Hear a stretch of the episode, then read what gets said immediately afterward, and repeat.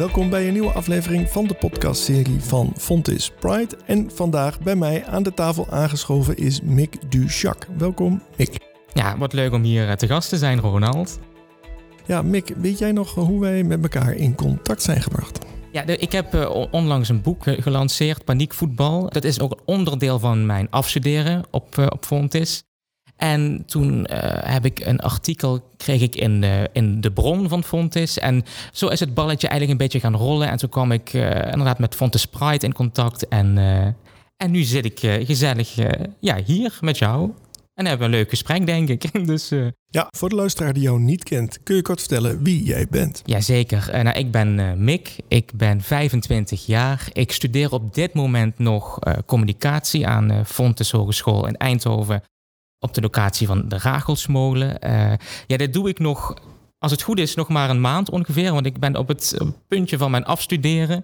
Wat natuurlijk heel spannend is. Ik heb toevallig gisteren de eerste cijfers binnengekregen. En dat zijn mooie negens. Dus het is, ik ben er nog niet, maar tot nu toe ziet het er wel heel fijn en goed uit. Dus ik geniet vooral nu nog heel erg van het feit dat ik nog heel even die communicatiestudent mag zijn. En ja, dat ben ik een beetje. Ja. Ja, en voor de luisteraar die denkt waar gaat dit gesprek naartoe, vind ik het altijd handig om zeg maar, de highlights alvast te verklappen en dan gaan we daarna de diepte in. Een van de aspecten die we gaan benoemen is uh, de boeken, want het zijn er nu twee die Klopt. jij geschreven hebt. Het feit dat jij student bent bij Fontis en wat jouw rol is binnen de LHBTI-community, binnen Fontis en of ver daarbuiten. Is er nog iets voor de luisteraar die moet weten wat wij gaan bespreken? Nou, ik denk dat je het wel mooi hebt samengevat. Inderdaad, eh, de boeken uh, de, en relatie tot het uh, LHBT. Uh, ja, en, en natuurlijk ja, gewoon het feit dat ik inderdaad student ben van, van Frontis. Sommige mensen gebruiken de naam of de afkorting LHBTIQ+. Jij zei net LHBT. Klopt. Het is eigenlijk niet per se... het is vaak dat ik denk, oh, wat, wat was het ook alweer? En dan wordt het, dan wordt het LHBT. omdat ik dan denk, kan beter dat zeggen dan dat ik daar nog een fout in maak. Of dat het dan een soort hapering wordt. Dus uh, eigenlijk was dat de reden waarom ik uh, nu even zei LHBT. Maar het is natuurlijk uh, breder dan dat. Ja. Ja, ik vergis mezelf wel eens. En ik moet er zelf ook altijd bij nadenken. Um, maar misschien is het ook aardig voor de luisteraar dat jij jouw eigen reis vertelt en jouw eigen uh, situatie. En vervolgens aangeeft waarom jij de boeken hebt geschreven die je hebt geschreven. Ja, ik heb, uh, ik heb nu twee boeken geschreven. Het leuke daaraan is ook dat het eigenlijk allebei komt door mijn opleiding. Ik heb uh, de minor ook binnen Fontes gedaan aan de Hogeschool voor Journalistiek in Tilburg, waarin je in vier maanden tijd een eigen boek gaat schrijven, wat heel leuk is, maar ook heel uitdagend. Maar kijk er nog steeds met heel veel liefde op terug. Ik heb daarin een boek geschreven, uh, Paniekboeket. Waarin je een jonge homoseksuele man volgt die uh, ja, in strijd is met uh, ja, hetgeen, wie hij eigenlijk is. Hij is homoseksueel, maar heeft, komt ook uit een streng katholiek gezin waar dat echt wel een issue is. dan wordt hij eigenlijk voor het eerst verliefd op een man die al een relatie heeft. Dus dan heb je ook meteen ja, dat aspect van een affaire en dan ja, bekeken vanuit het perspectief van de minnaar. Want Paniekboeket, daarin volg je wel David die opeens ja, bijna noodgedwongen minnaar wordt. Omdat hij zo verliefd is en heel erg gehoopt in zijn naïviteit ook wel dat dat goed komt. En ik vind het dan ook heel belangrijk om te werken met in dit geval een homoseksuele um, hoofdpersonage. Kijk, ik maak dan verhalen door middel van boeken en dan denk ik als ook homoseksuele man, ja, ik wil dan wel mijn steentje bijdragen om dat aspect ook te vertegenwoordigen in de verhalen die gemaakt worden. Of dat nou door middel van een serie is, of door middel van boeken, of ja, toneelfilm, het maakt niet uit. Ja, ik zie het dan ook wel als. Uh, nou, niet zozeer mijn taak, want het klinkt dan weer meteen heel zwaar, maar als ja, een soort intrinsieke drijfveer om, uh, om dan toch ook uh, de LHBT ik ga even niet, want dan ga ik toch betwijfelen. Gemeenschap, ik bedoel jullie allemaal. uh, ja, te vertegenwoordigen in mijn uh, verhalen die ik maak. En paniekvoetbal is daaruit voortgevloeid. Dat heb ik hoofdzakelijk in mijn afstudeerjaar ook geschreven. Het is eigenlijk een soort vervolg op Paniekboeket. Het is wel los van elkaar te lezen. Daarin volg je wederom David, die een nieuwe liefde ontmoet. En het is wederzijds. En er is ook geen andere partner die in de weg staat. Alleen er staat geen partner in de weg, maar eigenlijk een bomvol voetbalstadion. Want het betreft een profvoetballer ja, van Ajax in dit geval.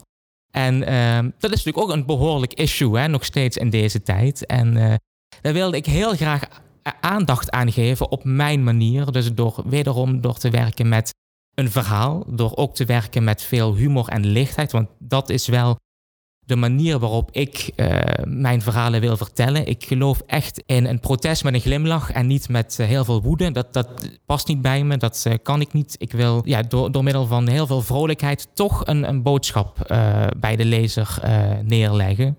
En uh, dat, ja, dat, dat doe ik dus eigenlijk uh, tot nu toe met uh, de eerste twee boeken. En de hoofdpersonen in jouw tweede boek zijn David en Sam. Klopt, ja. Heb je die namen met een speciale reden gekozen? Nou, ik moet heel eerlijk zeggen, David was wel een heel proces, want het was mijn hoofdpersonage al bij het eerste boek. En ik dacht, oké, okay, wat voor namen wil ik, wil ik daarvoor kiezen? En toen had ik drie namen, uh, volgens mij Dennis, Daan en David. En toen viel Dennis wel al heel snel af.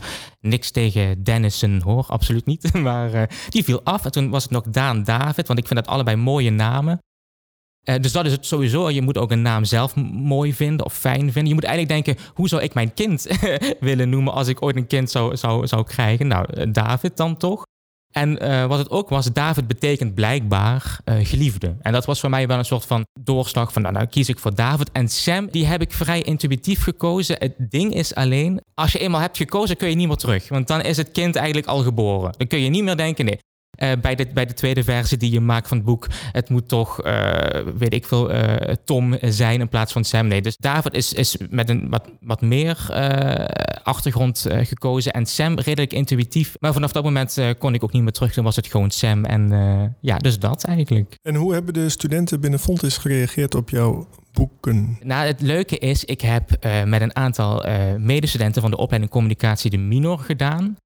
En uh, wat dan gewoon heel leuk is, is dat ze dat altijd blijven steunen. Dus bijvoorbeeld één student die uh, hier uh, in de omgeving van Brabant woont, is ook gewoon speciaal naar Zuid-Limburg, waar ik trouwens uiteraard dan vandaan kom, zoals jullie wellicht horen. is, hij naar, is hij naar de boekpresentatie geweest van Paniekvoetbal. Dus waar toch echt wel een dik uur rijden. nou, dat vind ik al zo lief en zo leuk. En, uh, en dat is dan even één voorbeeld. Het, is, uh, het wordt wel heel erg. Uh, en ik vind dat bijna apart, want voor mij is het helemaal niet bijzonder, want ik doe het gewoon heel graag. Maar het wordt wel ja, gezien als, als iets wat bijzonder is. En dat vind ik heel lief en leuk, maar daar voel je je soms ook een beetje oncomfortabel bij, omdat het voor jezelf gewoon, het is ook echt iets wat ik heel graag doe. Dus ik kan bijna niet anders dan op wat voor manier dan ook. En dat was inderdaad uh, jaren hiervoor door theater te spelen. Maar ik moet verhalen kunnen vertellen. En dat is dan nu door middel van boeken. Maar ja, dat hoort zo bij me dat ik dat niet zie als iets wat ook maar een beetje bijzonder is. Dus uh, ja.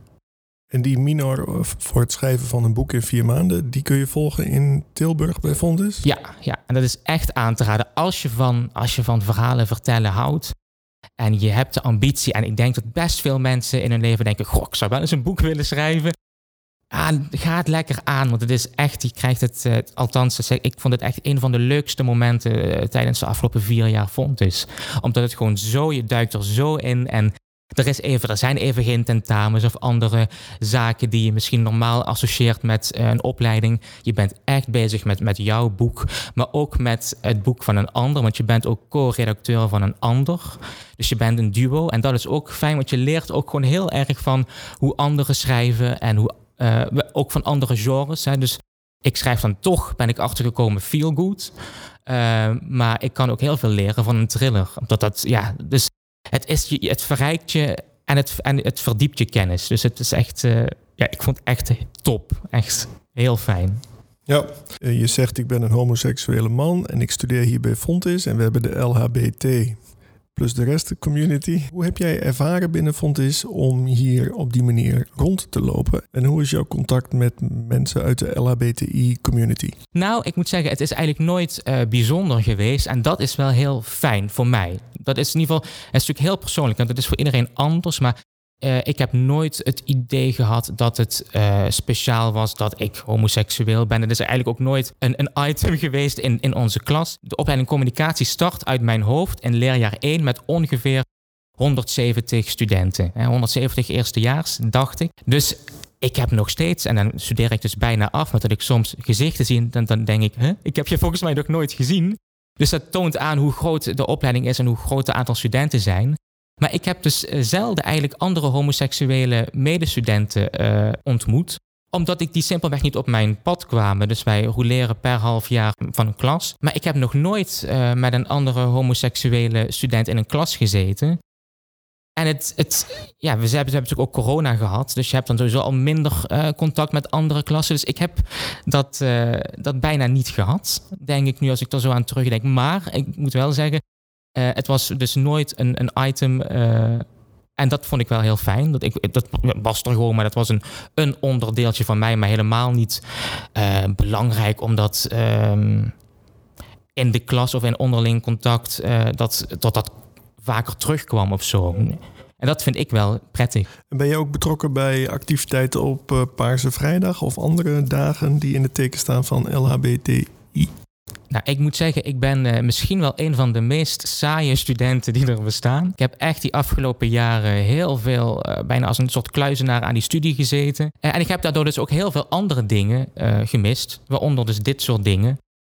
dus dat heb ik eigenlijk, eigenlijk gewoon niet, niet echt ontdekt, omdat ik zo op die studie zat, omdat ik dat zo graag goed wilde doen. En het, is, het fijne is wel, het betaalt zich nu wel uit. Dat is wel heel mooi. Maar ja, je, je mist ook andere dingen. Het heeft ook een keerzijde als je, als je heel uh, hoog wilt scoren of scoort. Hè, hangt er een beetje, hangt een beetje samen. Want ik had ook niet gepland dat ik tot nu toe met hele mooie resultaten straks mag gaan afstuderen. Maar ja, dan, je, je hebt dan ook uh, je hebt dan niet een alles succes. Hè? Dan, dan mis je ook gewoon bepaalde zaken van een opleiding die, uh, die ook heel leuk zijn. Maar dat is dan een keuze die je maakt. Ben je zelf ook een uh, voetballer? Nee, nee ik, ik ben denk ik een van de meest onsportieve wezens op aarde. Ik ben motorisch gestoord. Ik altijd als laatste gekozen met gym vroeger. ik, ik kon geen enkel team echt verblijden met mijn, met mijn deelname aan welke sport dan ook ik kan, ja, geen, geen enkele sport ben ik uh, enigszins uh, acceptabel, dus nee. Um, maar dat vind ik dus ook juist leuk om dan uh, juist iets met voetbal dan te doen in een verhaal. En nu gaat natuurlijk paniekvoetbal ook gewoon over een liefde die om, om wat van reden dan ook niet mag bestaan. En die reden, daar kom ik niet bij als, als normaal denkend mens dat, dat dat dan een blokkade is. En daar gaat het uiteindelijk over. En dan kan het, in dit geval is het voetbal, omdat het helaas, helaas in deze wereld wel heel actueel is. Maar in die zin had het natuurlijk ook over een andere sport of uh, een andere context geplaatst kunnen worden. Je zei net dat je een aantal activiteiten op school hebt laten gaan omdat je gefocust was mm -hmm. op het schrijven van je boek. Nu het boek gepubliceerd is, krijg je daar waarschijnlijk veel positieve reacties op. Kun je daar eens wat over vertellen? Ja, tuurlijk. Ja, dat is altijd uh, een cadeautje om positieve reacties. Uh, of ja, kijk, ik moet heel eerlijk zeggen, het is ook, uh, ik zeg nou, positieve reacties. Tot nu toe heb ik ook eigenlijk voornamelijk positieve reacties gekregen. maar het leukste is eigenlijk ook van mensen die je niet zo goed kent, die dan, of helemaal niet kent en die je dan toch via Instagram een DM sturen van, oh, ik heb het gelezen en uh, ik kreeg laatst nog, uh, ik stond in de rij bij, in Disneyland voor een attractie. En kreeg opeens een berichtje van iemand die had Davon en Sam mee naar Griekenland genomen. En heeft een hele leuke tijd met ze gehad aan het zwembad. Ja, dat is hartstikke mooi dat, dat, je, dat iets wat, wat, wat jij bedenkt, dat dat meegaat in, in, in iemand anders ja, zijn leven. Ja. Zijn of haar leven. Dat is... dus dat, is, dat zijn allemaal cadeautjes. En dat klinkt cliché, maar daarom is het denk ik ook een cliché, omdat het wel waar is. Het is gewoon echt uh, heel bijzonder dat mensen het überhaupt willen lezen. Dat ze geïnteresseerd zijn in iets wat, uh, wat ooit uh, ja, in jouw hoofd is geboren. Is het leuk om een oproep te doen aan de luisteraar om een foto te maken komende zomervakantie als ze het boek bij zich hebben aan het strand en dan dat ze een post zetten op Insta met de locatie en jouw boek? Het klinkt, ja, ik, ik ben helemaal voor. Hartstikke leuk. Ja, dat lijkt me heel goed ben ja. ik benieuwd waar ze allemaal nog, uh, waar David en Sam allemaal nog gaan belanden deze zomer. Ja, en voor de geïnteresseerde luisteraar die het boek graag wil uh, lezen, kun je nog eens de, de, de titel en eventueel waar ze het kunnen bestellen vertellen? Ja, het boek heet Paniekvoetbal en je kunt het bestellen ik, via mijn site. Ik heb niet de meest handige achternaam om nu te zeggen, ga naar www.makedushak.nl, maar ik denk dat als je gewoon Paniekvoetbal en Make Dushak intypt in Google, dan kom je er denk ik wel. Ja, misschien toch je achternaam ja, spellen. Dat denk ik toch wel. Hè? Het is D-U-S-C-H-A-K. Um, ben blij met mijn achternaam, maar op dit soort momenten had ik dan toch misschien wel heel even Mick Jansen of zo willen heten. Uh, maar goed, dat is niet zo. Dus, uh... Heb jij in deze podcastserie ook al naar eerdere afleveringen geluisterd? Zo ja, welke is jou opgevallen en bijgebleven? Ja, ik heb volgens mij nu bijna de meeste wel geluisterd, want ik vind het namelijk uh, ja, heel leuk. En ook de, de diversiteit aan gasten vond ik heel fijn. En eigenlijk de, de aflevering die mij het meest is bijgebleven is die van Martijn Derksen, die het eh, en dan met name het, het gedeelte over eh, zijn relatie tot eh, het katholieke geloof. En wat ik altijd heel fijn vind, is tegenkleuren. Hè? Dus bijvoorbeeld bij Paniekboeket was het tegenkleuren, het tegenkleuren van het stereotype beeld wat mensen vaak hebben van een minnaar. bij paniekvoetbal is het tegenkleuren van het stereotype beeld bij bijvoorbeeld een voetballer. Want je leert Sam ook wel kennen en dan ontdek je ook wel kanten die je misschien minder snel bij een voetballer verwacht. En en dat vind ik ook wel heel leuk om daarmee te, te spelen. En daar herkende ik wel, dat vond ik dus heel inspirerend bij Martijn, omdat hij gewoon een heel andere kijk had op uh, de kerk, wat je doorgaans verwacht. En dat is wellicht een aanname van mijn kant, maar wat je doorgaans verwacht van een homoseksuele man. En dat vond ik wel heel uh, mooi. En dat is mij eigenlijk bijgebleven. En dat heeft mij zelfs geïnspireerd van... goh, dat is wel... Uh, daar zou ik dan wel eigenlijk weer meer over willen weten. En ja, dat. Dus die aflevering dan toch wel het meest. Stel je hebt een toverstaf en je mag iets veranderen. Wat zou jij willen veranderen? Nou, dat is dan toch wel dat homoseksualiteit, in welke vorm dan ook, in geen enkel land meer uh, strafbaar is. Want hè, op dit moment, uit mijn hoofd, in 71 landen op de wereld wel. En dan kan er gaan van uh, een gevangenisstraf tot en met uh, de doodstraf. Ja, ik kom daar dus niet bij dat, dat zo bepalend is waar je geboren bent, hoe je, je verdere leven. Tuurlijk, dat is, dat is natuurlijk zo, maar dat het binnen deze context ook is. Dat, dat je gewoon een gevangenisstraf riskeert als je homoseksuele handelingen, uh, zoals ze dat dan vaak noemen, uitvoert ik vind dat ik kan daar heel kwaad over worden. En dat zou ik dus heel graag eh, uit de wereld willen schoppen. Ja. Een van mijn afsluitende vragen is altijd: naar wie zou jij graag eens willen luisteren in het kader van deze podcastserie? Ja, dat vind ik een uh, heel interessante vraag. En ik heb er best wel lang over nagedacht. Nou, binnen deze context, ook vanuit Fontis, lijkt het mij wel heel interessant om uh, een keer een docent aan het woord te laten die. Ehm, ja, je hoort mij al. Ik, ik struggle zelf ook met oh, welke afkorting is nou ook alweer juist. En dan kies je maar gewoon even voor de veilige weg. Het is soms gewoon lastig. Kijk, uiteindelijk zijn wij bijna allemaal wel uh, welwillend. Hè. We, willen, we willen iedereen, zo, zeker docenten, je wilt natuurlijk je studenten op hun gemak stellen. Maar soms lukt het gewoon niet dat je het gewoon nog onvoldoende beheerst. Dat je soms niet weet hoe je uh, bijvoorbeeld een non-binair persoon uh, dient aan te spreken. Is ik zou wel eigenlijk een docent aan het woord willen uh, hebben die vertelt over zijn haar, hen weg met omgaan met dit soort um, ja, situaties. Want dat komt er wel steeds meer bij. En, ik, en het is, dat is ook zo interessant, nogmaals. We willen het allemaal wel, maar soms dan komt het er net even verkeerd uit. Dus ik zou wel heel graag die, die weg eens willen horen van een docent. ja, de uitdagingen. En ook misschien tips weer voor andere studenten van het fonds, maar ook van andere opleidingen. Hoe je daar uh, mee om kunt gaan. Dat lijkt me wel interessant.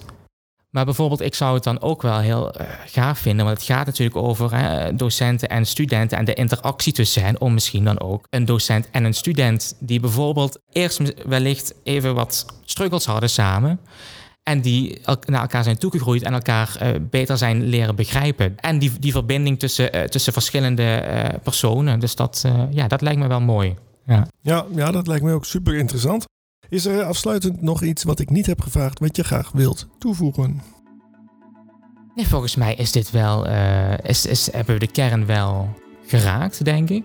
Dus nee, volgens mij niet. Ik vond het wel een heel fijn gesprek. Dat is ook heel belangrijk natuurlijk. Ja. Ja, dan, uh, dat vond ik ook. En dan rest mij niks anders dan jou te bedanken voor dit gesprek.